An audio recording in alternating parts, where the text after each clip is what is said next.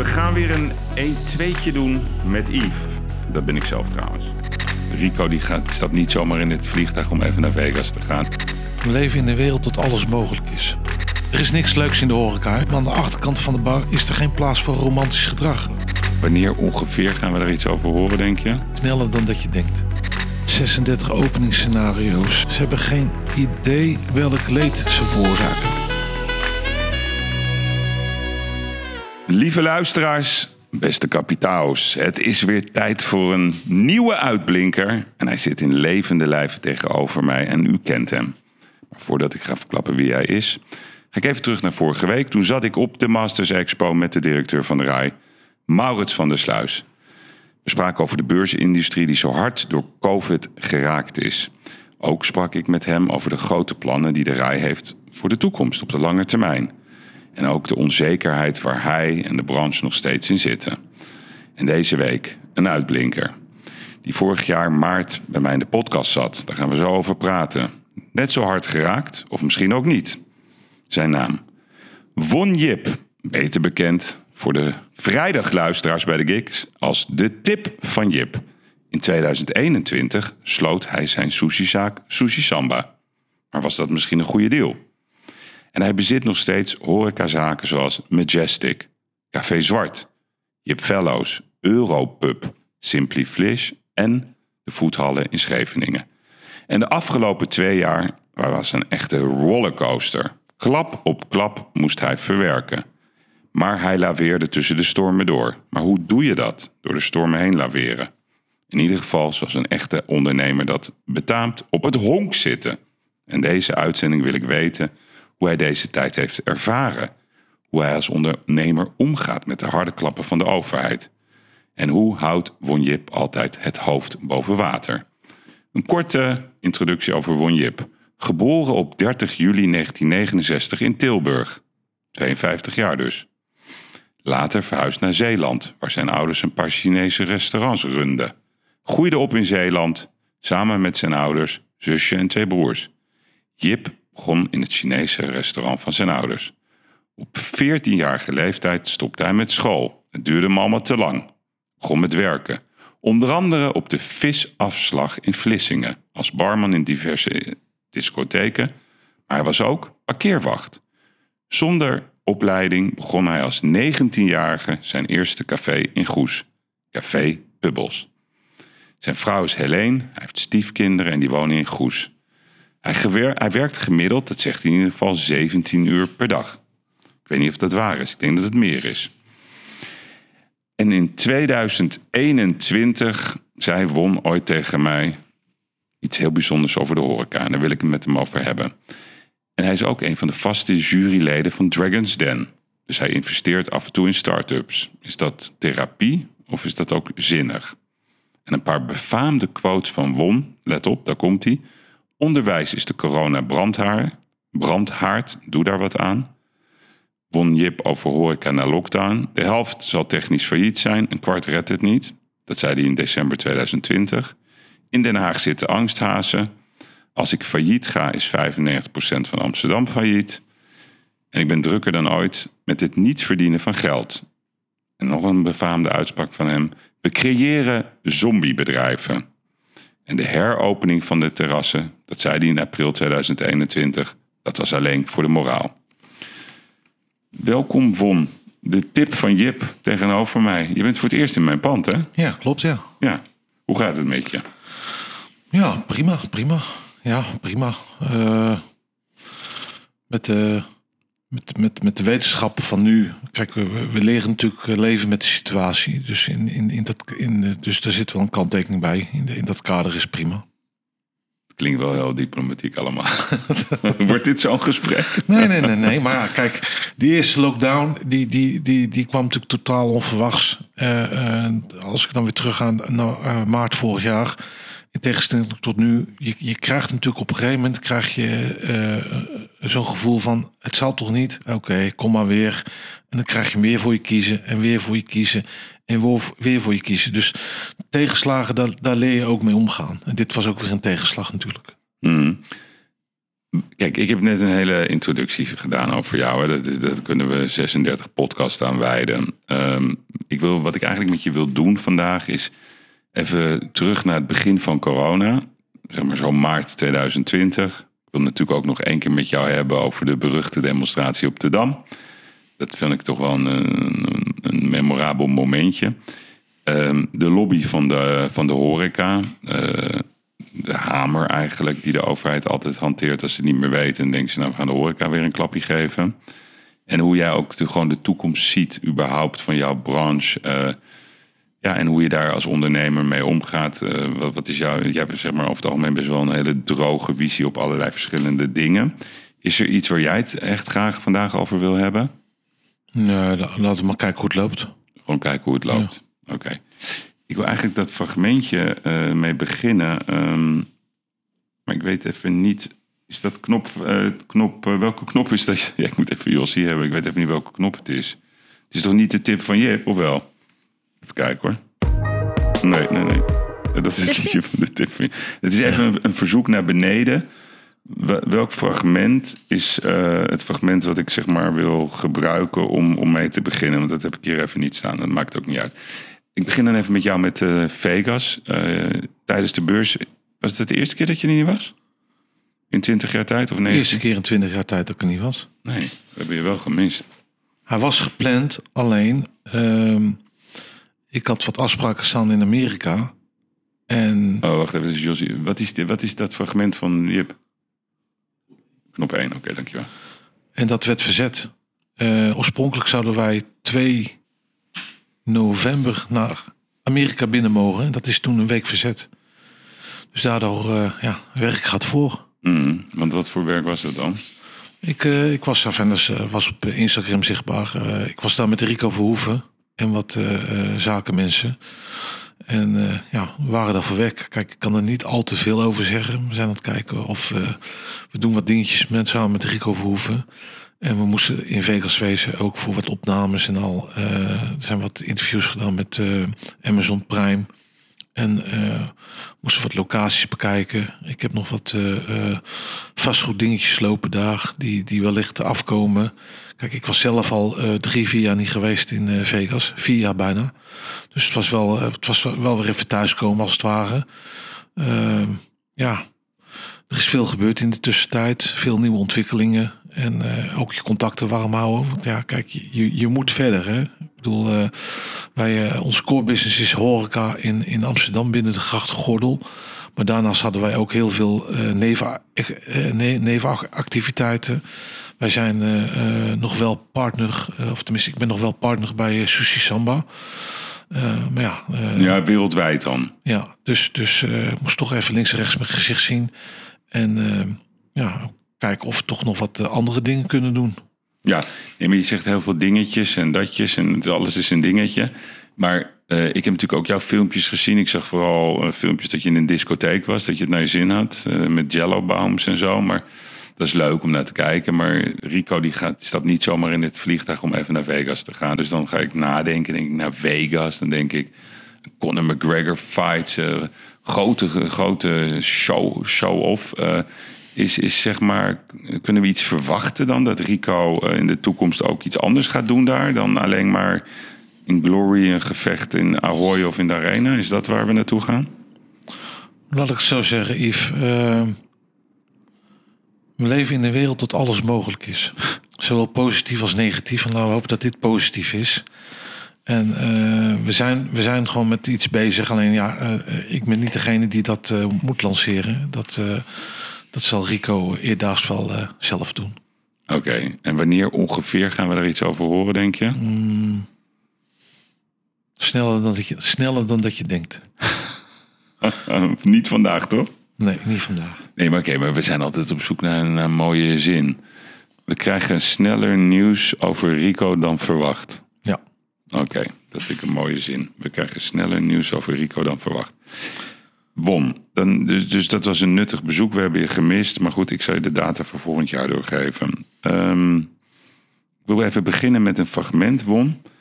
Vorig jaar maart was dat, 2020, hadden wij een eh, gesprek. Ondernemen in tijden van corona. Toen belde ik jou via de telefoon.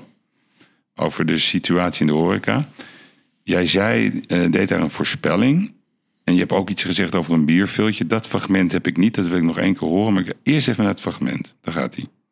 Hoe kijk jij zelf eh, naar jouw eigen branche? Ehm, hoe, hoe die zich zeg maar, de komende twaalf maanden gaat ontwikkelen en wat er ook gaat gebeuren in de komende twaalf maanden? Ja, kijk, ik was ervan overtuigd dat er een crisis kwam. Ja, dat klopt. Ik, ik, ik kan bevestigen dat je dat tegen mij hebt gezegd. Nou, In en daar hebben, we september. nu, daar hebben we nu een naam voor. Dat heet de coronacrisis. Zo Hm. kijken we er ook later op terug. Mhm. Dus de bedrijven die eh, nu omvallen, heel veel bedrijven die nu omvallen, die gingen sowieso al eh, onderuit straks bij de eerstvolgende crisis die onderweg was. Mhm. En er is natuurlijk eh, in de laatste jaren is er gewoon te veel open gegaan. Eh, waar, waar ik op een bierveldje kan uitrekenen dat het bedrijfsmodel niet werkt. Ja, die bedrijven gaan er helaas allemaal aan. Mhm. Kan je het even vertalen wat je daar zegt? Dus dit is anderhalf jaar geleden ruim. Hoe bedoel je vertalen? Dat is duidelijk? Ja, voor jou, maar ik weet niet of een luisteraar dit snapt. Nou ja, kijk, eh, eh, wij, wij hebben natuurlijk voor, voor corona was het natuurlijk gewoon eh, de bomen tot ver boven in de hemel. Eh, en als ik erop terugkijk, ook, ook in mijn bedrijf. Hè? Als ik je nou zeg dat ik eh, eh, oktober, afgelopen oktober draaiden wij weer 75% van de omzet. Dan mis je nog steeds 25% eh, omzet pre-corona. Maar wel met eh 20, 25% minder kosten. Mhm. Dat komt omdat je erbij bent gebleven. Je bent gaan snijden. En echt, eh, v- echt gewoon flauwekul kosten. Eh, eh, opslagruimtes die niet werden gebruikt. eh, mensen die functies hadden waarvan je denkt van ja, welke idioot heeft die functies eh, bedacht? Ook in mijn bedrijf. En dan, en dan ben ik zeven dagen per week op de zaak soms. En het gebeurde toch. dus, dus jij vindt jezelf ook af en toe een idioot, maar dat vindt elke ondernemer. Dat gebeurt gewoon in de flow, Ja, het toch? begint gewoon in de flow. eh, En, en dus, dus, dus eh. Nou, assistent van een assistent. Eh, dat bij ons nog net niet, maar wij, wij hadden mensen in dienst. Vooral als andere mensen die kwamen opdagen. Hoe vind je die? Ja, ja. Daar moet ik eens over nadenken. Jouw bedrijf. Ja, mijn eigen bedrijf. Dus eh, parkeerplaatsen die in het centrum van Amsterdam eh, zomaar een stukje of twaalf. Nou, ik hoef, ik hoef het allemaal niet uit te rekenen. Maar wij draaiden dus in oktober alweer 75% van de omzet. Maar wel met, een, met, met, met 25 tot 30% minder kosten. Dus meer winst. Ja, dus je komt, je komt uit zo'n tijd dat, dat alles kon, alles mocht en al. Ja, dus, dus ja, dat, dat, was, dat was eigenlijk al een signaal van jongens, eh, er is maar één weg en dat- die is naar beneden. En dat het toevallig dan corona is geweest, ja, zo so be it. Mhm. Maar vertaal nou even. Hè. Dus, dus, dus, dus aan de ene kant zeg jij van eh, anderhalf jaar geleden... ja, er zijn gewoon eigenlijk te veel horecabedrijven. Dat moet een keer fout gaan. Dat is een, soort piramidespel eigenlijk. Te veel aanbod. En als er één keer een klap komt... Ja, dan, dan gaat het als een domino systeem, zeg maar, valt het in elkaar. Leg even aan de Ja, luisteraar. maar het is niet alleen te veel horecabedrijven, maar het, is, het, zijn, het zijn natuurlijk ook eh, de nieuwkomers. Eh, het is natuurlijk ook het fenomeen crowdfunding. Mhm. Je begint eigenlijk zonder eigen vermogen begin je bedrijf. Ja. Dus, dus als je het niet eens hebt over horeca in het algemeen. Ja, ik, ik ben een ouderwetse. Je kunt niet zomaar een bedrijf opstarten zonder eigen vermogen. Want als er maar wat tegen zit, ja, dan lig je omver. Mhm. En eh, nu worden ze eh, de laatste anderhalf jaar in stand gehouden door eh, alle staatssteun die loskomt links en rechts. Dus ja, en dan krijg je natuurlijk gewoon dat het doorettert. Ja, oké, maar goed, kijk, het is, het is best moeilijk om, om de hele horeca op één hoop te gooien. Want je hebt zeg maar de traditionele en je hebt zeg maar de, de, de, de nieuwkomers en alle wat ertussen zit. Dus kijk, een nieuwkomer is natuurlijk heel onrechtvaardig. Als jij een horecazaak begint februari 2020, ja, daar kan je niks aan doen. Want de overheid gooit de deur dicht. En we weten nog, hè, dat Hoekstra zei, ik heb hele diepe zakken, weet je nog? En de indruk werd gewekt in ieder geval dat ze 100% gingen vergoeden. Wij hadden al snel door, het is 65%. Ja en nee. jij had Ik dat in ieder geval ik snel ben de door. voethal in Scheveningen begonnen met mijn partners. Mhm. En wij hebben een gezonde eigen vermogen. Wij hebben 0,000 staatssteun gehad daar. En het is een grote zaak met hoge lasten, hoge kosten. En wij hebben, het, wij, wij hebben toch kunnen overleven Doordat we goede afspraken hebben gemaakt met de verhuurders, met de huurders van ons die er zitten. Ja, snap je? Dan, dan, dan krijg je een wedstrijdje. We are all in this together. En dan kom je er ook wel. Maar waarom kan dat? Omdat je een eigen vermogen hebt ingebracht. Oké, maar aan de andere kant vind ik ook het sympathieke van de horeca. Een klein familiebedrijfje die het gewoon leuk vindt om welke stad in Amsterdam of in Nederland. Die begint een winkeltje met misschien 10.000 euro, misschien zelfs minder. En dat is een leven voor die mensen. Zeg ja, maar nu ga je het romantiseren. Nee, oké, maar Er is niks leuks in de horeca. Iedereen eh, heeft het soms leuk, gezellig ja, aan de voorkant van de bar. Maar aan de achterkant van de bar is het gewoon big business. En eh, ja, is er geen plaats voor romantisch gedrag. Oké, dus, maar zo kijk ik ernaar. Dus jij zegt eigenlijk, eh, de romantiek van het beginnen van een horecazaak, dat is failliet. Ja, zeer zeker. Ja, dus dat, dat, dat is misschien een harde conclusie, maar het is ook duidelijk. Want ik kan me nog heel goed herinneren dat Klaas Knot, die zat eh, bij op één. En naast hem zat er een, ja, ik weet even niet hoe die jongen heet, maar die had 21 eh, horecazaken in Amsterdam. Weet je wie dat is? Drie wijzen, denk ik. Ja, hoe heet die jongen? Ja, ik, ik, ik, ik heb hem een keer... Je weet wie het is. Ik ben even zijn naam kwijt. En toen op een gegeven moment legde hij zijn verhaal uit. En toen zei Klaas Knot, was nog echt aan het begin van de Nederlandse bank. Ja, ja dan moet je hem misschien maar gaan ombouwen. Hè, alsof het zijn schuld was dat eh, corona hem in eerste instantie de horeca heel hard eh, trof. Een hele gemene opmerking was dat. Maar die is wel waarheid geworden, die opmerking. Horeca is vervangbaar. De zaak gaat dicht, het wordt verkocht en dan gaat iemand anders in. Oké, dus zo kijkt ook de politiek naar de horeca? Ik denk het wel. Ja, hè? Het heeft ook geen invloed op de Nederlandse economie. Nee, klopt. Het inter- interesseert de mensen niet. Ik heb eh, vier bedrijven op de Dam. Of die, nou, eh, of die zaken nou van Yves Garat zijn of wel niet. Het zal allemaal wel. Ja, ja. Gaat failliet en eh, de eerstvolgende die, die pakt het voor een, voor een appel en ei op. Kijk, kijk naar de honderd zaken van Sjoerd Kooistra. ja. Nou, Sjoerd ging dood. Zelfmoord gepleegd. De zaken wo- worden voor een habbekrats verkocht.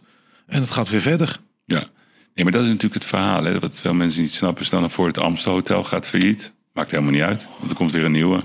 Ja, Dat is eigenlijk de kern van het verhaal. ja, Dus, dus zeg maar, de, de, het leed is altijd aan de achterkant. ja. En aan de buitenkant merken we er helemaal niks van. Nee. En zo kijkt denk ik ook eh, de, de, de regering zeg maar, naar deze branche. Want hoe groot is, is, is zeg maar procentueel eh, de horeca van de gehele Nederlandse economie? Nou, ik denk dat dat nog geen 3, 4 procent is. Oké, maar dat is, dat is groter in ieder geval dan de, de, de, de beurs- en congresmarkt. Dat is, eh, onze branche is 136.000 eh, banen, 13 miljard omzet, 2 procent. Horeca ietsje groter? Ja, het zal er tegenaan hikken. Oké. Hoe kijk je naar de lobby? Slecht. Want, Ja, eh, omdat, ja, want even benoemen, hè? dus we hebben Robert Willemsen betaald volgens mij. Maar heeft zelf ook horecazaken. Nee, maar kijk, Robert doet gewoon in mijn ogen zijn werk goed. Maar zolang natuurlijk eh, eh, niet elk horecabedrijf aangesloten is bij Koninklijke Nederland... Ja, dan kun je natuurlijk wel op je klompen aanvoelen van ja, dan komen die mensen ook geld tekort. Hè? Kijk, je moet lobbyen niet in de slechte tijd. Je moet lobbyen in de goede tijd. Kijk, het is hetzelfde als een verzekeringspremie. Waarom betaal je een verzekeringspremie? Voor het onverwachte. Je gaat geen verzekeringspremie betalen omdat je pand in de fik staat. Nee, je betaalt hem om het risico af te dekken. Zo moet je het zien. Nou, en er zijn binnen de horeca, en dat is een beetje tekenend voor, eh, voor de branche, zijn er wat dat betreft eh, toch nog veel freeriders. Ik, ik denk dat eh, van de aangesloten horecabedrijf 65% eh, eh, lid is van Koninklijke Horeca Nederland. Ergens in die Hoeveel? buurt. 65%. Ja, ja. Dus, dus zeg maar een derde doet niet mee. Nee, Dus hij praat nooit namens de hele branche. Nee, en dan, eh, wat ik dan een beetje misselijkmakend vind, is dat eh, die andere eh, een derde die dus niet lid is, wel kritiek levert. Ja, hoe kun je nou kritiek leveren als je, als je geen premie betaalt? Oké. En wie bedoel je dan specifiek? Bedoel je dan Khalid? Nee, dat zeg jij. Maar, maar dat, dat, dat vind ik een beetje onder de gordel. Kijk, Nee, Galit nee, maar hij is, het- hij is onze vriend. ja, hè? Galit doet het op zijn manier. Alleen, ja, Ja. soms- nee, maar hij is onze vriend. Alleen, hij was op de beurs en hij wou... Oorlog! Oorlog, ze willen me kapot maken! dus ik zat met Erik. Ik zeg, kan niet doen even rustig. Ga dan met Bruls gewoon eventjes eh, een gebakje eten. Maak er nou viertje, vijf punten. En zeg wat jullie wederzijds van elkaar verwachten. Oorlog! Ze willen me kapot maken! Ja, kijk, luister, ik heb veel gesprek gehad met Galit. En eh, ik heb een zwak voor die jongen. Ja, ik alleen, ook. ja, alleen ja, zijn manier van aanpak is soms niet de mijne. Kijk, eh, kijk ik, ik vind gewoon, eh, ja, je moet lobbyen in de goede tijd. En, eh, ja, en, en, en daar zijn de middelen gewoon niet voor, denk ik. Ja, is En dat zo? En ik vind echt dat Roger echt zijn werk goed doet. Alleen ja, kijk, het feit dat hij natuurlijk ook eigen horecabedrijven heeft... en daarnaast nog de belangen waarneemt... als, als, als voorzitter van de Koninklijke Nederland... dat is ook een baan eigenlijk, fulltime baan. Ja, ja zeker. Oké, dan doen we het even anders, Won. Want het is natuurlijk altijd makkelijk om kritiek te hebben. Dus we, dus we constateren dat ongeveer twee derde van de horeca eh, best bereid is om mee te betalen. Zo slecht is dat niet. Een derde niet. Ehm, dat betekent dat er dus een grijs gebied is van allerlei verschillende partijen. Klopt het ook, Won, dat wij weten dat, eh, of het nu om Amsterdam, Rotterdam en andere steden gaat, dat de gemeente in de verschillende steden de horeca ook in de ga- gaten houdt? Zeer zeker. En dan bedoel ik daarmee dat ze nieuwsgierig zijn naar de geldstromen. Ook, ook dat, maar dat is weer een andere tak. Kijk, eh, het is allemaal heel leuk dat mensen eh, eh, ons oproepen tot verzet. En eh gaat toch open en al. Mensen vergeten alleen één ding. Eh, je hebt te maken met een vergunning. Op het moment dat je een, een overtreding begaat, staat die voor eh, drie tot vijf jaar, afhankelijk van je vergunning. Als jij in Amsterdam eh, geen overtreding hebt begaan, krijg je een, eh, bij de verlenging van je vergunning krijg je een nieuwe vergunning voor vijf jaar. Heb je één overtreding begaan, krijg je een nieuwe vergunning pas voor drie jaar. Nou, dat, dat heeft natuurlijk wel impact. Dus op het moment dat ik een overtreding ga, weet ik nu al dat ik een kruisje achter mijn naam krijg. En de eerste sanctie die ik krijg is een vergunning voor drie jaar in plaats van vijf jaar. Ja, maar dat is dus het is best het is hard tegen hard bijna. Ja, en dan weet je nog niet welke consequenties het heeft. eh, waar, jullie, waar jij en Erik het over hebt, over de onzichtbare machten. Dus dat jouw eh, vergunning aanvraag opeens onderaan de stapel komt. Omdat die ambtenaar denkt van ja, maar wacht even, je hebt ons aangevallen. Dus jij gaat even onder op de stapel. Menselijk zou ik zeggen. Want ja, dat zouden wij ook hebben. Als jij een leverancier hebt die een beetje moeilijk doet.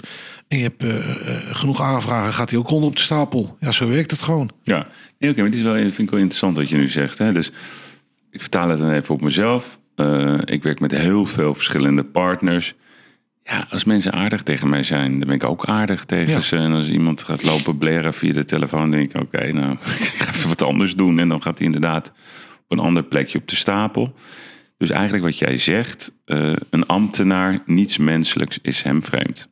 Of haar. Ja, daar komt wel op neer. Ja, Ehm, dus dat betekent, als ik dat dan even doortrek, dat eh, als je kijkt naar de lobby, die toch belangrijk is, we kunnen het er wel of niet mee eens zijn, maar het is nou helemaal een onderdeel van het leven. Eh, de lobby wordt gedaan door Beljaards, dus voorzitter Koninklijke Horeca Nederland.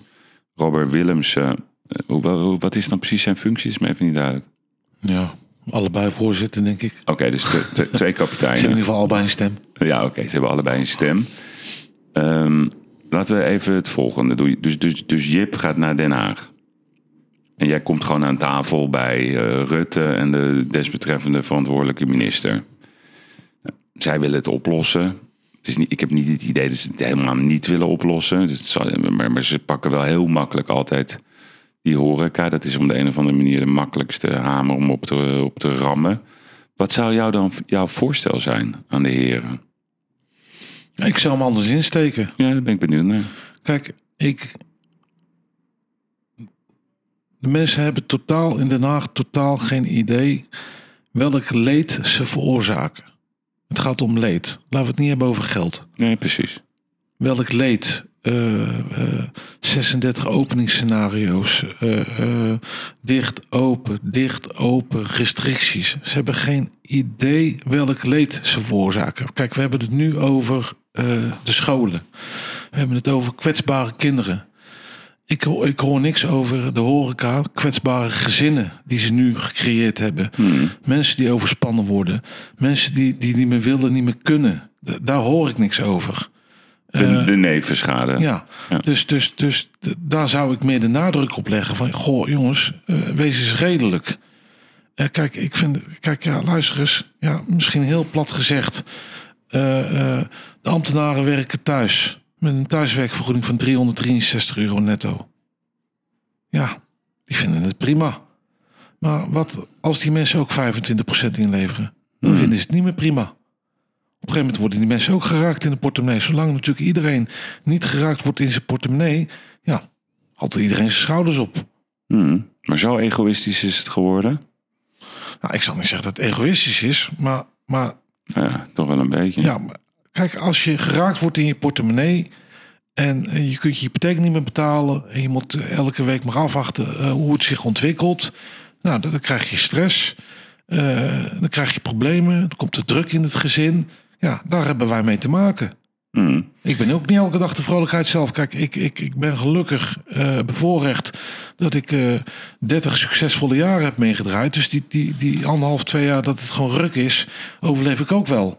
Maar er zijn een hoop mensen die het niet hebben. Nee, precies. Maar daar wil ik het over hebben. Dus kijk, ehm, je ziet dat eh, bij die laatste persconferentie, eh, als je dat gewoon echt even bekijkt, nou, dan zeggen ze eigenlijk andere openingstijden. Volgens mij is dat wat ze gezegd hebben. Bijna alles mag. Mondkapje eh, is weer terug. Je ziet dat bijna in alle landen in de wereld dat gewoon een soort, soort normaliteit is. Alleen Jaap van Dissel die, die geloofde daar niet in en dan weer wel en dan weer niet. Een normaal persoon zegt, joh, als je niet weet, dan moet je wat anders gaan doen. Maar dat, dat werkt blijkbaar niet zo in, in, in Den Haag. En dan om vijf uur, dan, eh, dan moeten we weer naar huis. Een soort avondlockdown is het eigenlijk. Dus wie leidt daaronder met een lange ei? Dat is volgens mij vooral de horeca. Want de online bedrijven die liggen in een duik. Ik denk dat de retail het helemaal niet zo erg vindt. Want de meeste zaken gaan om zes uur dicht. De supermarkten liggen ook weer in een duik. Want die hebben hogere omzetten. Dus macro-economisch zeggen ze in Den Haag... nou ja, het gaat toch prima. Alleen die vermalendijde horeca. Dus dat is een branche waar ik in ieder geval van vind... dat we die... Ja, die kunnen we niet laten barsten. Dat is een beetje een raar verhaal. Dus wat zeg je dan tegen hun? Als je dat gewoon rustig doet. Dus wat je ziet vaak op tv... ook hoe heet die Johan de Vos uit Breda... die kan behoorlijk tekeer gaan. Ook op LinkedIn. Eh, lijkt me een hele aardige man trouwens. Maar het lijkt of dat niet een goede methode is. En dan kom ik even bij jouw eh, verhaal van de, van de onderaan de stapel. Dus het, dus het, moet toch gewoon, het gaat toch om de toon? Het gaat zeker om de toon. En het gaat ook om simpele voorbeelden. Als ik je nou vertel, eh, wij waren aardig op weg. Oktober draaiden wij 75% van de omzet pre-corona. Nou, prima, kan ik mee leven. Verdien ik wat, helemaal top. 75%. Vervolgens krijg je die 8 uur aan je broek. Mhm. Dan is het 75% maal 50% Ja, krijg je aan je broek. Want de toeristen blijven weg. ja 37,5 procent. Dus 62 Nou, dan krijg je 5 uur aan je broek. Ja, dat is klaar. Weer 50% eraf. Dus 20% gaan wij niet eens halen meer. Nee, dus? Dus dat, dat, dat is dan de slotconclusie. En, en, en ik mis ook een stip aan de horizon. Ja, Snap je? Kijk, ik, ik wil bloeien. Heb ik geen moeite mee. Je wint en je verliest. Maar als nou overduidelijk is dat er een brandhaard is op de scholen. Dan ga je blussen in de woonwijk. Die snap ik niet. nee, nee. En daar heb ik dus moeite mee. Nee, maar wat ik natuurlijk ook niet snap is dat het schijnt zo dat eh, corona tussen vijf uur 's ochtends en vijf uur 's avonds slaapt corona. En na vijf uur is het gevaarlijk, toch? Ja. Dat, Ja. lijkt, dat lijkt zo, want tussen vijf uur 's ochtends en vijf uur mag alles. Het is drukker dan ooit. Ik, ik, ik, zaterdag ben ik ook een afspraak ergens midden in het land. Ik werk anderhalf uur in de file gestaan. Terug, heen eh, drie kwartier. Eh, ik, ik was op allerlei locaties. Het was niet normaal hoe druk. Maar het schijnt dat corona tussen vijf uur 's ochtends en vijf uur 's middags... Dan, dan is hij aan het slapen en hij wordt pas wakker na vijf uur 's avonds. En hij schijnt ook bij de grens te stoppen. Ja, wel, maar kijk. Nee, maar dit is een grapje, maar- ik begrijp het. Dan komen wij weer in een, in, een discussie terecht waar we eigenlijk al eh, anderhalf, twee jaar in zitten. Nee, daarom wil ik van jou Dat die oplossing. elke, elke persconferentie kun, kun je deze, deze eh, analyse erop loslaten. Kijk, eh, ik vind het gewoon ongelooflijk dat eh, eh, eh, wij in principe 750 IC-bedden hebben. Nee, maar dat, Ja. ja. dat, is, dat vindt iedereen inmiddels. En van die 750 bedden, onder normale omstandigheden, is altijd 350 bedden eh, eh, heb je nodig eh, voor de zorg. Dus eh, wat, wat hebben we dan over? 3,5, 400 bedden eh, dan, dan moet er maar een chemische fabriek ontploffen. Of een vliegtuigcrash moeten zijn of wat dan ook. En dan zijn we weer aan de beurt. En dan zetten wij eigenlijk eh, eh, de volledige eh, eh, maatschappij schaakmat daarvoor. Eh, ik, ik begrijp dat soort dingen Nee, niet. maar, maar dat, dat, dat geluid, hè, wat jij nu vertelt, dat, eh, ik roep eh, dat eigenlijk al een, ruim een jaar. Ik zei ook verkiezingen, dat heb ik ook nooit begrepen. De bol staat in de fik en dan gaan we verkiezen. Maar ik heb nieuws voor jou. Welk kabinet ze ook vormen, noteer hem maar, die gaat er weer aan. Ja, maar dat vind ik ook. Die gaat er weer aan. Ja, Maar dat is geen nieuws voor mij. Ik, Want wij ik- krijgen straks, wij krijgen straks nog een afrekening. Coronasubsidies, die krijgen we ook nog straks. Hè? Mm. Dat, wordt, dat wordt natuurlijk ook een dingetje. ja, nee, maar... Wacht even, even een slokje water. Nee, maar Won, ik roep al, ik geloof al anderhalf jaar... 80% moet weg en 20% moet eh, blijven zitten. Ik bedoel dat echt niet onaardig, maar het heeft gewoon te maken met dat verhaal eigenlijk van jou, hè? Dat je voor corona zelfs mensen klaar had staan om die te vervangen voor de mensen die al had werken. Nou, dus, dus we kunnen wel de overheid elke keer door midden zagen en zo. Maar is het gewoon niet zo dat, dat het echte bedrijf wat failliet is, dat is toch de overheid? Moreel, technisch, structureel. Het maakt, zelfs als wij er gaan zitten, gaan we kapot. Als we Nee, geen mandaat nee, hebben. geloof ik niet. Als we geen mandaat hebben. Nou, dan druk je hem er doorheen. Oké, dus dat is jouw theorie. Dan drukken we hem er doorheen. Nee, maar niemand begrijpt dit. Nee, dat klopt. Mensen bellen mij uit het buitenland. What the fuck is going on there? Ja. Ze geloven het niet. Luisteraars, het is leuk nu om zijn gezi- gezicht te zien. ze geloven het niet. Nee. nee, maar niemand begrijpt het. Nee, wij Maar- zijn, wij zijn nog, wij, wij staan er slechter voor dan Bangladesh. Hmm. Niemand gelooft dit. Mhm. Maar dat kan je alleen maar uitleggen als je de hele week met de hele wereld aan de telefoon zit. Wat jij ook doet. Kijk, ik zag van de week zag ik op Insta zag ik, eh, eh, eh, eh, filmpje van Ruud Gildert. Ja. Ik geloof, de- heb jij hem gezien? Ik vond dat een sterk eh, Ja, maar, optreden. dat- maar zo is het toch gewoon. Hij zei dat heel goed. Nou, gisteren zag ik op nieuws hier. eh, Zullen we even, even, een heleboel mensen hebben dat niet gezien. Hè? Ja. Wat, wat, wat zei Gullit? Ja, als je een voetbalelftal hebt en je hebt een trainer en, ja, en de resultaten zijn niet, vervang je hem op een gegeven moment. Ja. Het gaat om geloofwaardigheid. Bij een bedrijf ook. Ja, kijk, eh, nou, gisteren zag ik ook een heel sterk optreden bij Nieuwsuur van, eh, was het nieuws? Nee, WNL, van Pieter Omzicht. Ook gewoon een duidelijk verhaal. Hmm. Zelfs die man die zegt van ja jongens, dit, dit klopt niet. Nee. We hebben, niet eens, we, hebben, we hebben niet eens meer een minister van ziekenhuizen. nee. Eh, Dat, dat geloof je toch niet? Nee, maar wat is dat dan? En dan heb ik zoiets van, nou oké, en dan ben ik, het is, het is maandag, ben ik gul hè.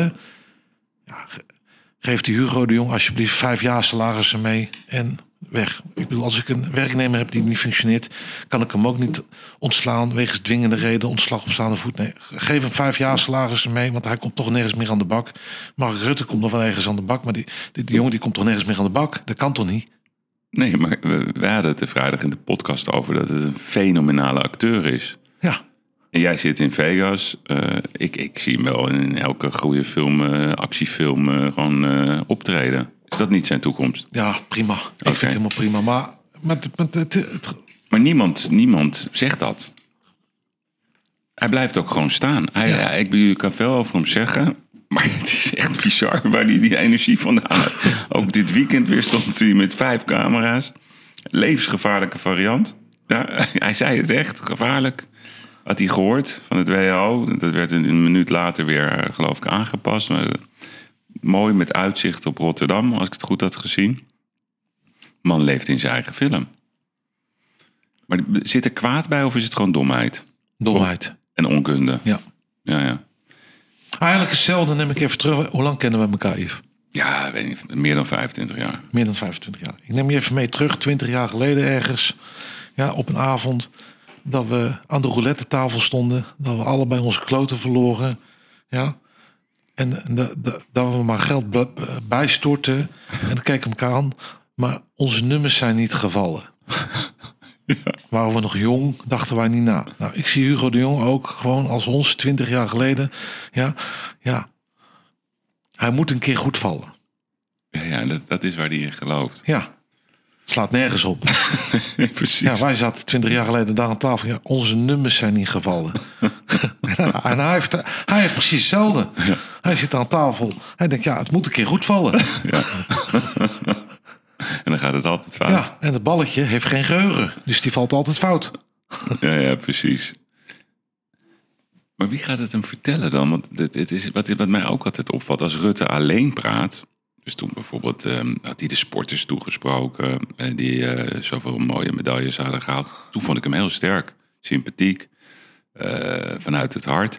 Maar als hij daar bij die persconferentie staat. Ik ken ook geen land in de wereld die het op deze manier doet. Nee, maar kijk, Nee, maar even serieus. die Rutte is gewoon hele- slim. Die Rutte, die, Ja, maar is dat slim? die Rutte schuift alles af naar de Jong. Ja, maar is dat is slim? natuurlijk onze coronaminister. Ja. Huppakee, hij schuift hem af. Rutte is Teflon.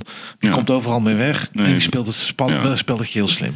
Nee, maar wat, wat, ik, wat mij zo fascineert in het land, we hebben het altijd over andere namen. En dan weer die, en dan komt er weer een naam. En toen was het Kaag met nieuw leiderschap. En Van Zanen wordt nu genoemd als de nieuwe baas van het land. En we blijven maar namen noemen. Maar, wordt het nou niet eens tijd dat, dat iemand van formaat en van statuur... misschien moet het de koning zijn die zegt... joh, ons systeem functioneert niet. Want als we deze crisis hebben opgelost, dan is de volgende de criminaliteitscrisis. Nou, en die klimaatcrisis, daar willen we ook in blijven wandelen. Dan komt er weer een economische crisis, dat weten wij. Die komt altijd wel een keertje. Kunnen we niet eens een keer voor eens en voor altijd gewoon eh, met, met iedereen de afspraak maken? We gaan het anders doen. Ja, moet. Ja, maar het gebeurt niet. Het gebeurt niet. Nee, en dan komt er weer een nieuwe partij. En dan komt er weer een splinterpartij. En dan krijgen we weer ruzie met elkaar. Die vechten elkaar de tent uit. En dan behouden ze de zetel. En het gaat maar door. Dus, Ja, je, je zult het gewoon, en, en dat voorspel ik je, je zult het echt op een andere boeg moeten gooien. Want anders blijft dit gewoon dooretteren. ja. Maar wie gaat die boeg organiseren? Ja, kijk, aan de andere kant denk ik dat, dat je maar één, één vonkje nodig hebt nu. Oh, die hebben we wel gezien, toch, in Rotterdam? Ja, nee, ni- niet in die context bedoel ik het. Je hebt, je hebt, je hebt eigenlijk maar één vonkje nodig straks. En dat het, daar geloof ik gewoon in, en dat het dan wel naar links gaat straks. Of naar rechts. In ieder geval niet de richting. Maar welk vonkje bedoel je dan? Ik kan het niet met woorden uitdrukken. Ik denk dat er gewoon iets gaat gebeuren. En dat, dat, dat, we, dat, we dan, dat het dan klaar is. Ja, ja oké, dus iets. Maar je weet niet wat dat iets is. Maar praat je dan over een revolutie? Nee, nee, nee, nee, nee, helemaal niet in die context. Maar In gewoon, stilte? gewoon dat er straks iets gaat gebeuren. Dat je zegt van. Wat eigenlijk heel simpel is. Waar, waar de mensen wel houvast aan hebben. En wat een kentering gaat veroorzaken. En dat is ook heel simpel, hè? Want, want het is ook simpel op te lossen. Hmm. Want geld, daar ligt het niet aan. Nee, dat is het grappige. Het ligt niet aan geld. En het ligt ook niet aan kennis, want Nee. we weten inmiddels wel Ja. een beetje hoe de looplijnen in elkaar zitten. Dus ik denk dat er echt iets gaat gebeuren. Dat dan zeggen, en die kant moeten we op. En dat gaat gebeuren. Ja, ja. Maar je kan het niet echt benoemen, maar het gaat gewoon gebeuren. Dat gevoel heb ik Ik namelijk kan het wel benoemen, maar ik kan, nee, ik, ik kan het nog niet benoemen. Ik weet wat het is, maar ik kan het nog niet benoemen. Nee, daar kan ik niks mee. Nee, dat weet ik. Dat vind ik te vaag. Dat, eh, dat vind ik abra abracadabra. Nee hoor. De, de, oplossingen zijn simpel, Yves. Ja, En er, er, er, er komt straks iets concreets waar de mensen houvast aan hebben en wat niet tegen te houden is. Oké, laat ik dan een voorzetje doen. Ik denk dat ons land. eh, kijk, ik vind dat wij veel te veel praten over wat er in de wereld gebeurt. Wij gaan. Wij gaan eh, eh, we hebben vaak dingen gedaan voor, voor Afrika. Nou, nu trekken we de stekker eruit qua handel. Terwijl de ondernemers die brengen daar mensen naartoe, dat is wat ze willen. En daarna gaan we weer de komende weken horen hoe erg het allemaal is. Maar dat zijn de mensen die storten geen piek in de kas. Dat weet je hoe dat werkt. Wij gaan de problemen oplossen in Afghanistan. Wij gaan de klimaatcrisis wereldwijd bestrijden. Het gaat maar door wat wij allemaal oplossen. Maar is het niet eens tijd dat iemand in Nederland zegt... we gaan eens eerst zorgen dat we onze eigen toko op orde hebben. Ik zag een vuurwerkverkoper zitten bij Op1. Die jongen met die lange haren. Nou, die heeft dan misschien vooroordelen tegen... maar er kwam werkelijk waar geen onzinnig woord uit. Die had gewoon precies, die zei, ja, die zei het op zijn Haags. Dat eh, wordt niet is gewoon tijd dat we gewoon hier eens een keer gewoon de boel zelf op orde, orde hebben. We trekken het ene naar het andere AZC open. We doen niks met die mensen. Nou, wat hij eigenlijk bedoelde, de boel staat hier in de fik. Even in vuurwerktermen. Maar we blijven maar de brand blussen waar we geen invloed op hebben. Willen we gewoon niet als land, daar komt het op neer, het echte probleem onderkennen. En dat is gewoon dat ons systeem, ons land is helemaal overregulated. Je ziet het elke dag. Jeugdzorg is, is een, een admin verhaal. De zorg is een admin verhaal. Nou, jij, jij, jij weet, net zoals ik, als je iets wil bouwen, dat is gewoon de hel op aarde. Je wil een vergunning, je wil een winkel. beginnen. Het is allemaal werken voor. We zijn slaven van de overheid. Misschien is dat de, de, de waarheid. Dat moet anders, toch? Ik Ja, ben, zeker. Ik ben niet tegen de overheid, eh, helemaal niet zelfs. Alleen wel tegen de huidige manier hoe wij behandeld worden. Maar de meeste mensen voelen gewoon de pijn niet, zoals jij zegt. En dat is het probleem, hè? Dat is het probleem. Ze voelen de pijn niet, maar die komt nog wel. Ja, ja. En hoe komt die dan? Gewoon. eh, Ja, nou luister Yves, het moet toch allemaal een keer betaald worden of ben ik nou achterlijk? Ja, maar we hebben, we hebben, als je kijkt naar de balans van ons land. Stel nou voor, hè, we hebben dat samen. We weten van tevoren dat we 300 miljard inkomsten hebben. Nou, dat vind ik een lekker bedrijfje hoor. Ja, kijk, laten we vooropstellen, een land kan bijna niet failliet. Nee. Nederland, kan en Ne- Nederland al er zeker zit heel veel onderliggende waarde onder. Alleen, eh, Yves, we kennen elkaar heel lang. We hebben heel wat crisissen eh, doorstaan en met elkaar besproken. Mhm. Volgens mij is er nog een bonnetje, staat er nog een bonnetje open van de financiële crisis. Zelfs die, niet, zelfs die is niet, nog niet volledig afgerekend. Zeker niet. Deze krijgen we er ook nog eens een keer overheen. Mhm. Er, er, er komt een keer een moment van afrekenen. Ja. Hoe dan ook. Mhm. Gratis geld, daar heb ik nooit niet in geloofd. Een hoop mensen geloven erin. Ik, ik heb nog nooit in gratis geld geloofd. En we krijgen weer een periode, cash is king. En, dan- en dan krijg je gewoon de rekening gepresenteerd. Zo simpel is het. Ja. Maar, oké, maar nu gaan we weer heel, heel erg ver van het onderwerp vandaan. Alleen dan is het te laat. Dan is het te laat, precies. Dus, dus ja, er gaat iets gebeuren. Dus wordt het niet tijd gewoon voor, voor, een, voor een soort structuur dat we zeggen: oké, we hebben een directeur Nederland BV. En die mag best wel heel veel verdienen. Het lijkt me niet meer dan normaal als je een, eh, als je een, eh, bedrijf eh, vertegenwoordigt. Dat we Nederland een bedrijf noemen. Van meer dan 300 miljard omzet per jaar. Alleen een zakenkabinet zie ik ook niet zitten. Ik in ieder geval niet. Ik weet niet, hoe zie jij dat? Nou, kijk. Ik, ik benader het even heel simpel. Als we nou eens even beginnen met... we hebben een zorgcrisis. Dat kunnen we toch wel vaststellen. Ja, ja, zeker. Maar dat is wel duidelijk Nou, inmiddels. Dan, dan zou je toch als een sodemieter moeten beginnen met het aanstellen van een eh, minister van ziekenhuizen. Ja, nee, maar daar zijn we het over eens. Waarom gebeurt dat niet? Geen idee. Die, die is niet moeilijk, toch? Nee, die is niet moeilijk. Die begrijpt iedereen volgens Iedereen mij. begrijpt die. Zelfs toch- Gullit, Gullit zei het mooi. En toch gebeurt het niet. Nee.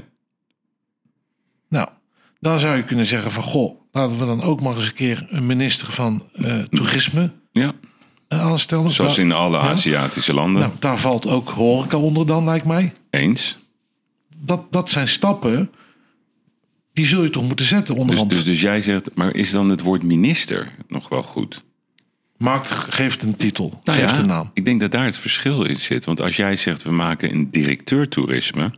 tegen een hele andere salariering... dus in plaats van dat die directeur nu zeg maar zit bij een van de grote reisorganisaties... zeggen we, we gaan jou halen. Net zoals in de voetballerij. We willen de beste jongetjes die onze sectoren gaan leiden. Dus we definiëren zeg maar Nederland in een aantal essentiële sectoren. En we hebben hele mooie. Maar ja, ik weet niet, is het ordinair om te zeggen... if you pay peanuts, you get monkeys? Feitelijk wel. Ja, maar het is niet ordinair, toch? Nee, Het moet toch? ja. Ik heb er geen moeite mee als alle salarissen verdubbelen. Of verdubbeld, Ja, misschien wel vertienvoudigd. ook goed. Ik vind het allemaal prima. Ja, ja. Want waarom mag het wel bij de banken? En niet bij de sectoren? Ja, bij de banken is het natuurlijk toch eh, dat ze naar het eh, global verhaal kijken. Want banken zijn toch ook gewoon overheidsbedrijven? In principe wel, ja. Ja. ja. Dus eigenlijk waar het om gaat is dat we hebben, we zitten in een soort macro-economische val. En we moeten weer terug naar de micro-economie. Gewoon naar, naar de normale manier. ja kijk, luister eens. Wij hebben natuurlijk mensen eh, bij de overheid zitten. Die zitten op 160.000 euro bruto, meen ik. Ja, ja, soms ietsje meer. Zo. Die moeten beslissingen nemen van een miljard. Ja. Staat niet in verhouding, hè? Staat niet in verhouding. Nee, dus dat is lastig, hè? Ja. Oké, dan gaan we nu weer terug naar Den Haag. Dus, dus, dus, dus in goed overleg met Dirk Beljaarts, met Robert Willemsen, met Johan Vos, met Khalid Oubaha. Eh, hoe heet die man ook weer uit Groningen? Dat vind ik een mooie kerel. Laurens. Laurens, ja. Zeggen wij, weet je wat, Bon, ga jij nou gewoon even lekker een weekje naar Den Haag? Ik wil nu echt even concreet van jou horen. We gaan even weer naar jouw sector. Dus we gaan, we gaan van die macro-toren gaan we weer helemaal naar beneden. Jouw sector. En dan heb je ook een beetje eigen belang, maar ik ken jou in ieder geval als een man die heel solidair is. Gul. Dus jij bent eh, in ieder geval de laatste die ik ken die alleen maar denkt aan zichzelf. Jij staat in ieder geval bekend, niet voor iedereen, maar ik weet dat het zo is. Als iemand die kan delen. Dus ik zeg, Won, ga jij het maar in, in orde maken. Dat kan heel snel. Maar wat, wat ga je dan vertellen? Laten we gewoon het heel simpel houden. Ik zorg dat je aan tafel zit bij Rutte. En ik zorg dat er ook de, de topambtenaar eh, van die sector erbij zit. En de minister van de EZ of whatever. In ieder geval alle beslissers. Jullie gaan die kamer in. En ik spreek van tevoren af, die komen de kamer niet uit voordat het duidelijk is. Dus niet onderzoeken, niks. We hoeven niks te onderzoeken. Wat is jouw mededeling dan? Wat willen jullie? Oké, dat is je vraag. Maar dan krijg je een vaag antwoord. Nee, de deur gaat niet eerder open voordat we eruit zijn. Wat willen jullie? Eh, dat weten ze dus niet. Ja, nee. Ik wil weten, wat willen jullie van ons? Daar gaan ze geen antwoord op geven. Je krijgt een vaag antwoord. Ja, dan, dan zitten we er een week, zitten we er twee weken. Interesseert me niet. Wat, maar wat willen jullie van jullie? Wat denken jullie hiermee te bereiken? Hmm. Gaat, gaat dit jullie probleem oplossen? Gaat het probleem niet oplossen?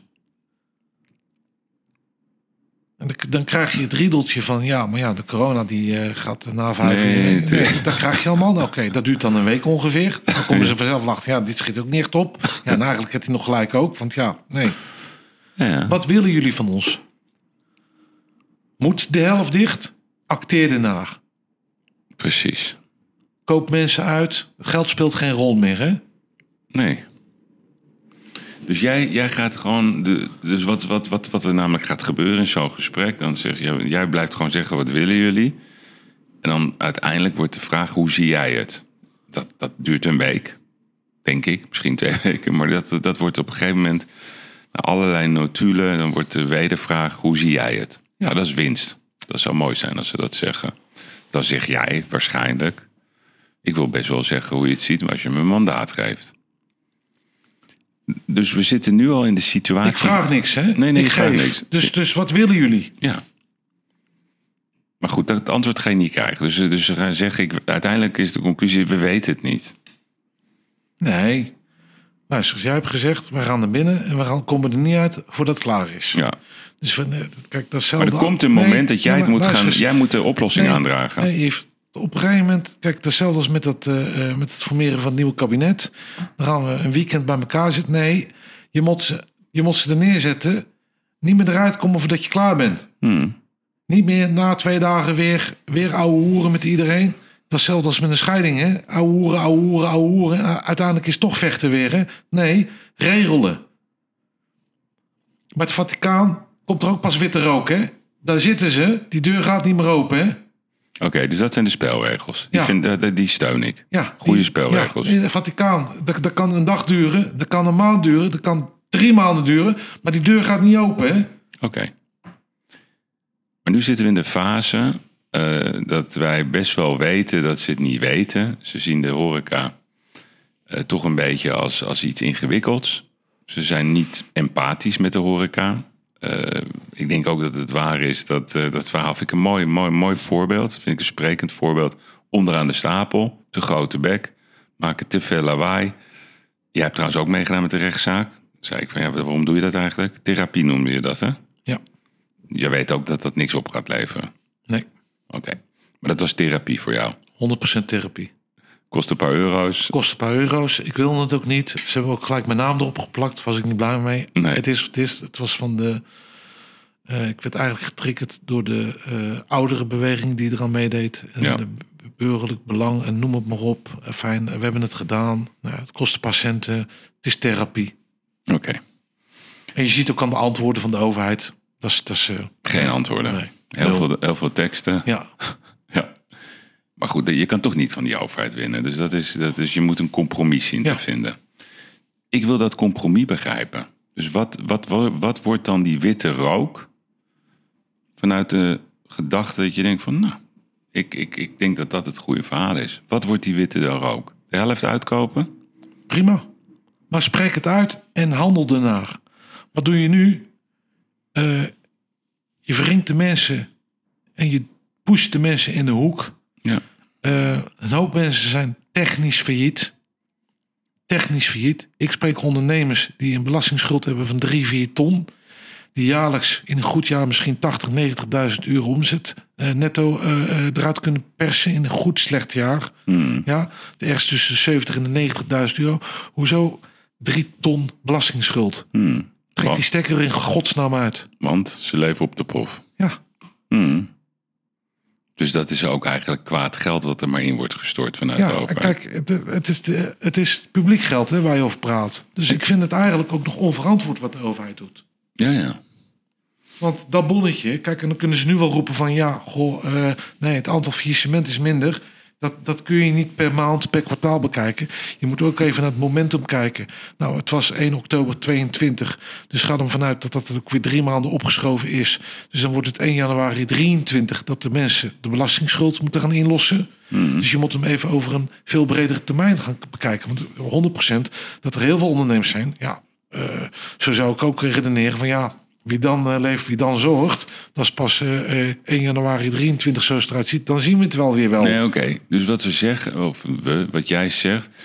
eh, hoeveel procent van de horeca ligt op dit moment aan het infuus? Meer dan de helft. Meer dan de helft. Oké, dus, dus laten we dat dan maar even zeggen. 50 procent van de horeca in Nederland ligt aan het infuus van de overheid. En wat bedoelen we met het infuus? Dat is zeg maar die belastingsschuld. Ja, En zeer waarschijnlijk ook nog eh, de brouwers. Ja. En misschien ook de banken. Ja. Dat zijn volgens mij de drie Ja. grootste eh, schuldeisers van de horeca. Zou, jij dan de, zou je dan ook de overheid adviseren dat je zegt van... Kijk, die helft van die horeca in Nederland... die moet ook gewoon een normaal leven hebben. Ik bedoel, misschien kunnen ze iets anders doen. Het is een beetje raar om zo te praten over andere mensen... maar ik probeer ook een beetje mee te denken met mensen die het ook niet meer weten. Het is een liefde, toch, dit vak? Want je wilt voor mensen zorgen. Maar soms is er geen uitweg. Is dan de uitweg ook gewoon een, royale eh, generaal pardon, om het zo maar te noemen? Dat je zegt, oké, we gaan een streep zetten onder belasting, schuld eh, voor wie niet verder wil. Moet er niet een soort plan komen van, oké, wil je stoppen? Dat kan. Maar dan gaan we een regeling treffen, net zoals bij de, de toeslagenaffaire. We zetten er een streep onder en dat je niet ook nog eens als privépersoon in de schuldsanering komt. Maar dat je gewoon een nieuw branche, nieuw onderneming kan starten. Ja, maar Moet je ook een quotum gaan, gaan hanteren. we gaan ergens aan voorbij. Dit, dit, dit, zou Ik een vraag het onderdeel, aan jou. dit zou een onderdeel zijn, kunnen zijn van een pakket. Mhm. Ja, het begint natuurlijk al, vind ik gewoon, eh, op het moment dat jij je inschrijft als ondernemer bij de Kamer van Koophandel, in het algemeen, zul je ook een toets moeten doen. Je kunt nu gewoon naar de Kamer van Koophandel. Hup, binnen 10 minuten heb jij online heb je gewoon een registratie bij de Kamer van Koophandel en ben je ondernemer. Ja. Ik vind dat je een toets moet doen. Dat je een toets moet doen. eh, dat je een, eh, eh, in ieder geval iets van een jarenrapport kan begrijpen. Dat Zoals je- een rijbewijs. ja, ja, dat je in ieder geval weet wat de LB is, wat OB is, Ja, ja. wat VPB is. Ja, ik, spreek, ik spreek nog te veel ondernemers die het allemaal niet weten. Ja, ja, ja. Maar, Ja, maar het is een schoenendoos, hè? Ja, vraag maar aan de accountant. Vraag maar aan de accountant. Ja, snap je? Nee, jij hoort dat te weten. Jij bent eindverantwoordelijke. Dus ik, ben- daar, daar zou het al moeten beginnen. Dus ik, ik mis gewoon in de laatste anderhalf, twee jaar... in het hele coronadossier mis ik een hoop dingen. Eh, wij hebben niks gehoord over eh, ventilatie, dat het belangrijk is. We hebben niks gehoord over gezond eten, dat het belangrijk is. We hebben niks gehoord, wij, wij zijn rokers hier. Eh, we zitten nu te roken. Dat roken gewoon heel slecht is. Gooi er een accijns op of what, whatever. Doe iets. Er is niks gebeurd. Niks. Dat dat is toch raar? Ja, dat is blijvend raar. Ja, eh, eh, doe, doe, doe eh, gezond eten, allemaal laag BTW, vlees laag BTW, kaas laag BTW, noem het maar op. Chocolade 21%, boom. Mhm. Is toch niet ingewikkeld? Nee. Maar daar zit dus, dus blijkbaar op de een of andere manier is er geen ehm branche-expertise in het operationele. Want normaal, kijk, we hadden net over hoe lang we elkaar kennen. Volgens mij hebben we al 25, 30 jaar deze discussie over overheden, wat dan ook. Terwijl we eigenlijk niet tegen ze zijn. Nee, ik ben helemaal niet tegen Nee, ze. maar we lopen tegen muren aan dat je denkt, hé jongen, jongen, waar gaat dit over? Ja, zoals als wij een conflict hebben, gaan we gewoon even zitten. Joh, wat is het probleem? Oké, allebei een beetje water bij de wijn. Het kan een uur duren en soms heb je pech, dan wordt het een wedstrijd. En al die wedstrijden, die zijn altijd negatief, hè? Altijd. Dus die hebben geen zin, dat weten we inmiddels. Dus jij zegt, eh, die branche is veel te toegankelijk om te starten. Dus je moet een rijbewijs halen, vaarbewijs ook. Ja. Maar een horecazaak beginnen, dat kan morgen. Of Nee, vandaag. Vandaag. En Ja, dan doe je een zo crowdfund eh, actie erop en dan ben je er al. En ben je open. Ja. Dus de drempel moet hoger om te starten. Eh, ja, ja, zeer zeker. Oké. En hoe gaan we dan om met, ehm, met die totale... eh, ja, ik denk dat het onkunde is van hoe ze nu elke keer die horeca... Want het is niet alleen in Nederland, hè? Het is ook in andere landen. De horeca moet dicht. Maar de horeca is toch een heel... je hebt toch natte nee. horeca, droge Nee, horeca? in, eh, Engeland in- niet? In eh, Engeland hebben wij, eh, daar ben ik nog investeerder eh, in, in Londen. Daar is het redelijk goed gegaan. In tegenstelling tot, kijk, wij, wij hebben allemaal gedacht van Engeland, zeker na de brexit, van, dat wordt een soort pesteiland. Op de manier hoe hun met- COVID om zijn gegaan. Hun hebben het wel voor elkaar gekregen om eh, de IC-bedden anderhalf keer op te schalen. Nee, maar dan gaan we nu weer naar de... Nee, maar daar wil, Ja, ik, daar wil ik weg van blijven. Ja, nee, maar oké, maar ook voor de horeca is het wel belangrijk. Daardoor dat- kan die nee, horeca juist. functioneren. Nee, maar die, dat, dat die, die zorgcrisis, dat is gewoon een feit. Ja. Volgens mij hoeven we dat me niet meer uit te leggen. Dat zegt Marcel Levy, dat zegt Arman Giebus, eh, dat zegt Gullit. Ik bedoel, iedereen is er volgens mij wel wakker geworden en die denkt, ja, wacht eens even. En logisch nadenken. Kijk, eh, als ik eh, pak Vegas. Vegas hebben ze natuurlijk ook eh, drie maanden lockdown gehad. Eh, ik, ik was vorige week in Vegas en als je die verhalen hoort, Yves, het, is- het is weerzinwekkend. Want, Dan, dan praat ik met zo'n Amerikaan one, it was a rollercoaster. Ik zeg rollercoaster, ja. Three months lockdown. Ik zeg, goh, begin even bij het begin. En dan moet je even over nadenken. Hè? Dus dan praat je over Las Vegas 24 uur open, altijd. Hij zei, nou, we had a huge problem. Huge problem? Ja. Het begon al met, hoe ga je die casinos afsluiten? Er zaten geen sloten in de deuren. nee, maar, nee, maar, we- kijk, wij hebben een winkeltje. Wij, wij, we zijn we klaar. Draaien we met een sleutel het slot dicht. Ja. Nee, dat hebben wij nooit niet nodig gehad. Dat zijn complexen van... eh eh daar werken 30.000 man per casino gemiddeld. En hoeveel deuren de- denk je dat ze daar... Ja, dat zijn er duizenden. Er waren geen sloten. ze konden hem niet afsluiten. dat is het grootste probleem. Ook, eh, het Ze moet konden, ze konden de deur niet dichtdraaien. Ja, ja. Daar begon het dan mee. Mooi. Dat is toch raar, is dat, hè? Een ja. rare wereld is dat. Ja. Maar daar hebben ze wel gezegd van op een gegeven moment, je moet het ook praktisch benaderen. Van luister eens, eh, eh, eh, toen ze weer open gingen, hebben ze gewoon gezegd van luister eens, jullie mogen 25% van de capaciteit mag je gebruiken. Klinkt mij logisch. Dus als jij daar een restaurant hebt van eh 3000 vierkante meter, nou, dan mag je 25% gebruiken met anderhalve meter restrictie. Hmm. Nou, die, die, die is ook te begrijpen. Ja, nee, maar dat is ook. Dus we hebben aan de ene kant totaal niemand snapt nog wat, wat er allemaal gezegd wordt. Het zijn colleges, die persconferentie. En na drie minuten ben ik ook ergens. Ik denk, van, ik weet niet meer wat ze allemaal zeggen. De manier van communiceren is uniek. Want Gommers die zegt eh, eh, lockdown. eh, Kuipers zegt nee hoor, niet nodig. Hugo de Jonge zegt het is buitengewoon gevaarlijk, de nieuwe variant. Rutte zegt het is allemaal heel erg complex. Nou, dan komen alle OMT-leden in alle programma's en allemaal zeggen ze iets anders. Ja, dat, dat, als we dat bij onze bedrijven zouden doen, dan zouden we, denk ik, niet binnen een jaar, maar binnen een week failliet zijn. Dat kan maar- toch niet? Nee, kan niet. Ik vind gewoon dat als jij Verbod op het, eh, op het communiceren ook over dit onderwerp. Gewoon beperken tot één of twee personen. Is dat een maatregel? Nou, weet ik niet. Ik vind gewoon dat als jij een maatregel uitschrijft, moet je erover nadenken. Ja. Dat mis ik. Ja, ja. Eh, Dat is het poldermodel, toch? op het moment dat jij zegt van eh, eh, bij de horeca gaan we het zo en zo doen, oké. Dan, moet- dan moet er toch iemand zeggen, ja, maar wacht even. Dus wij wij gaan controleren of dat mensen binnen mogen. En het personeel wat er staat, is niet gevaccineerd. Dus iemand die niet gevaccineerd is, gaat controleren bij ons of dat iemand wel gevaccineerd is. Hoe stom is dat? Vind ik stom. Mm. Nee, oké, dus je mist werkelijk waar iedere vorm van logica. Precies. Als ik dan gewoon zie, vorige week zondag zat ik bij de Raiders in, Amerika, in Las Vegas, in het stadion, 65.000 man. Hebben ze gewoon gezegd, het is 2G-beleid, je komt er gewoon niet in. En het personeel wat er werkt, want dat kunnen ze niet verplichten. Ook in Amerika is het zo geregeld dat ze die, die werknemers dat nog niet kunnen verplichten. Alle werknemers die niet gevaccineerd zijn, alle vrijwilligers die niet gevaccineerd, gevaccineerd zijn, dragen een mondkapje. Duidelijk verhaal. 65.000 man met een bandje. Je moet door een tent. Wordt allemaal ge- getest. Ja. Nou, en ik heb daarnaast heb ik ook gezien. Ze zeg- zeggen ze ook duidelijk van luister, testen doen we niet meer. Nee, u komt niet meer binnen met een test. U moet gewoon dubbel gevaccineerd zijn.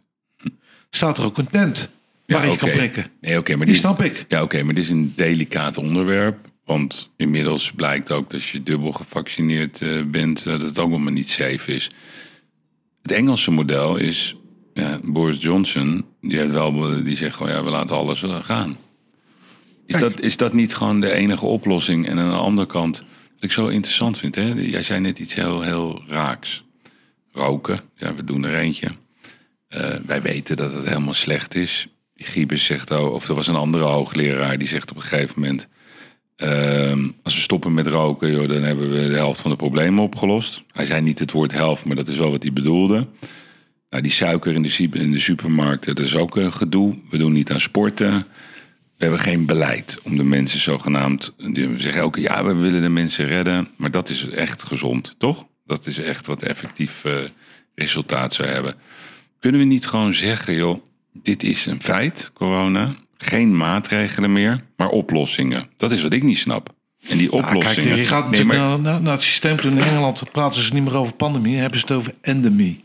Ja, en wat bedoelen ze daarmee? Nou, dat, dat, dat, dat we het moeten accepteren. Ja, maar, Kijk, dat is, toch, maar is dat niet die- de enige oplossing? Dat is de enige oplossing. Ik spreek ook alle, alle doktoren, enfin, die jij ook allemaal net op genoemd hebt. Of dat nou Armand is of eh, Igor, noem het maar op. Ja. Ik spreek ze allemaal. Ja. Kijk, het probleem op dit moment is gewoon, heel plat gezegd, wij mogen overal dood aangaan, behalve aan corona. Ja, mooi.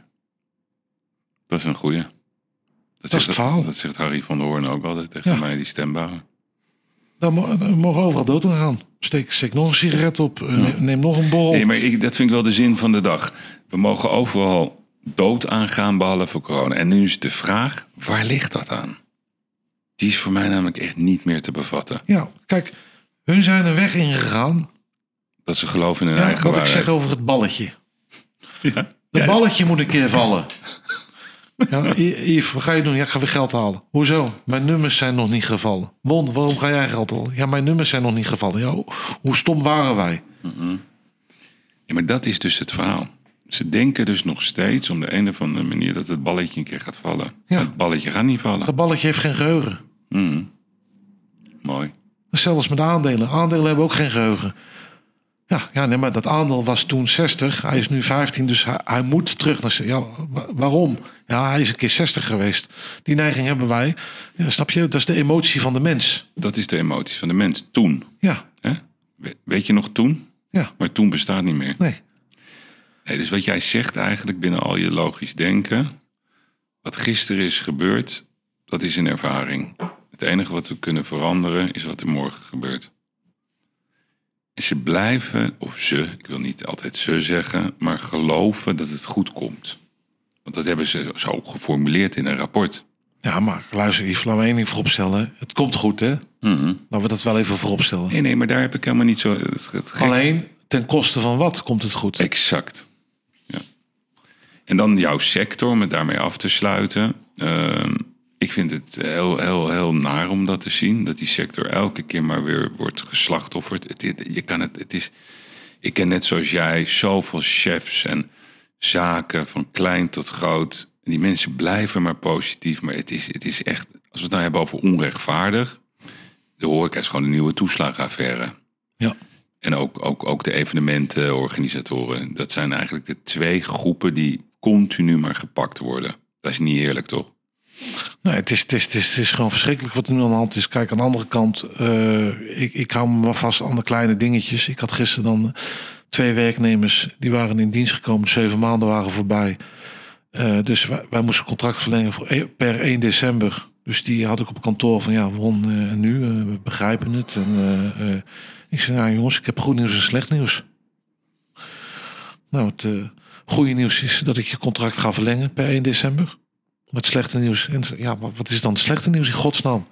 Ik zeg, die salarisverhoging die je beloofd hebt de zeven maanden, die stellen we nog even uit. En dan moet ik toch zeggen dat ze allebei zeggen van, ja, maar dan is het allebei goed nieuws. Mooi. Ja.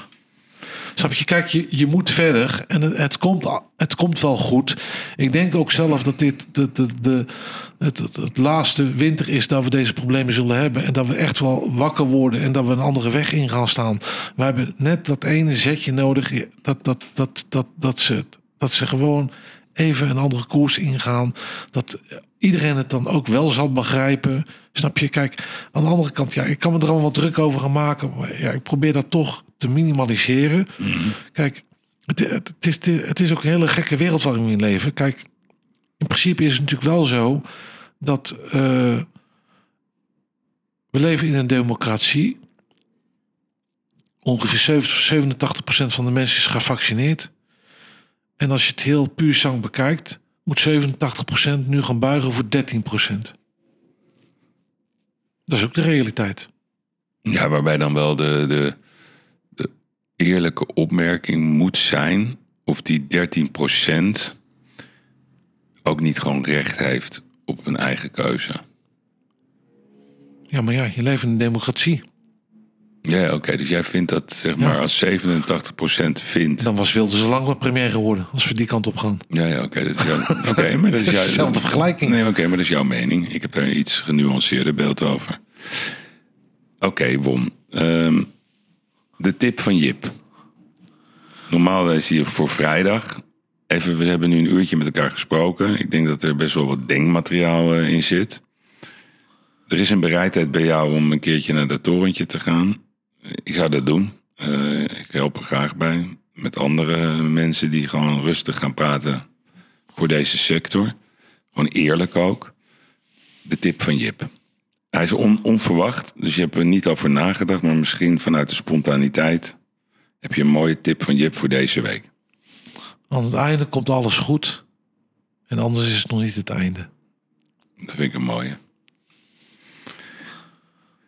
Daar kunnen we bij afsluiten, Won. Of is er nog iets waar je op terug wil komen? Nee, kijk, ik ben altijd bereid om, om, om eh, ook, ook naar Den Haag af te reizen. Ze weten me te vinden. Eh, ik ben geen onbe- onbekende voor ze. En ik probeer het altijd heel praktisch te benaderen. En het is gewoon eh, een moeilijke, uitdagende periode weer voor iedereen. Ja, en eh, ik, ik ben ervan overtuigd dat, dat, dat dit echt de laatste hobbel wordt voor ons. Dat we echt wel eh, naar een situatie toe gaan dat we het gaan accepteren.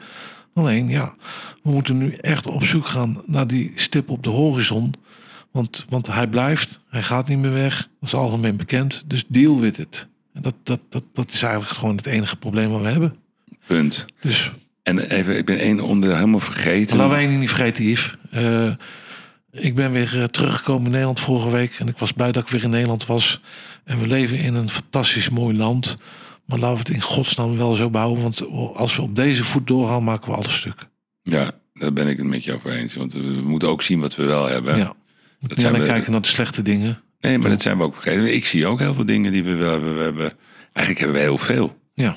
Eh, en dan mag iedereen bepalen wat dat veel is. Maar, maar dat is wel een feit. Alleen we moeten het honk bewaken. Ja. Met z'n allen. Eén vraagje nog, die ben ik helemaal vergeten. Eh, je hebt natuurlijk veel zaken in, in Amsterdam. Je hebt met veel burgemeesters gewerkt. Ik weet nog dat wij... eh, wij stonden een keer, toen had ik eh, een- een- een- jou geïnterviewd voor een eh, tv-reportage. Is dat, ka- dat ding op de Dam, hoe heet dat? Eh, Euro- op de hoek. Europub? Europub. Café Zwart? Café Zwart. Ja, waar die foto van Ja. Eberhard eh, hing, hangt. Ja. Met de zin, laten we lief zijn voor elkaar. Ja, luister eens. Ik heb ook met Ebert, ik ben denk ik vier keer eh, op de Herengracht eh, ontboden. moet ik zeggen. Oké. En vier keer was er een probleem. Eh, ook maatschappelijk probleem. En vier keer hebben wij dat gewoon zo, zo goed opgelost. En hij was daar zo verdomde handig in. Ja, dan zette hij me voor het blok. Ja, dat eh, deed hij. eh, goh, moet jij, ook, moet jij ook aan je baas vragen? Moet jij ook toestemming halen? Zo, dat, dat, dat, dat, dat deed hij zo perfect, hè? Ja, mooi. Hij zegt, al die multinationals hier, die moeten allemaal toestemming vragen. Moet jij dat ook bij je baas? Nou, en dan werd ik weer opgenaaid. Ik zei, nee, ik pak dat bonnetje wel. Maar op, onder die en die voorwaarden. We kwamen er altijd uit, Ja. snap je? Dus je kunt er altijd uitkomen. Altijd. Ja. En ik, ik hoef niet als ondernemer het onderste kan. Echt niet, want ik ga voor de lange termijn. Ja. En we kunnen met z'n allen, zeker in Amsterdam, kunnen we bouwen aan een Amsterdam die zowel voor de eh, eh, bewoners als de ondernemers in harmonie naast elkaar kunnen. Dat kan gewoon. Ja. Snap je? En ik, ik vind ook dat, eh, moet ik ook heel eerlijk zeggen, dat Femke, ja, moet ik, ja, zij, zij, zij, zij heeft natuurlijk een hele lastige periode. Eh, ga, ga er maar aan staan. Dus wat mij betreft heeft zij nog steeds alle credits. Ik zie ook wel verbeteringen links en rechts. Alleen ja, er zit natuurlijk ook, zij, ook zij heeft te maken, daar ben ik van overtuigd, met een ambtelijk apparaat, wat ook even de goede kant op moet gaan. Dus je ziet wel bij haar wel een groeicurve ontstaan als, eh, als burgemeester. Ja, zeer zeker. Ja, ja. Is Mooi. niet iedereen met me eens, maar eh, ik ga voor de lange termijn. En ik, laat, wel... ik laat die quote helemaal aan jou.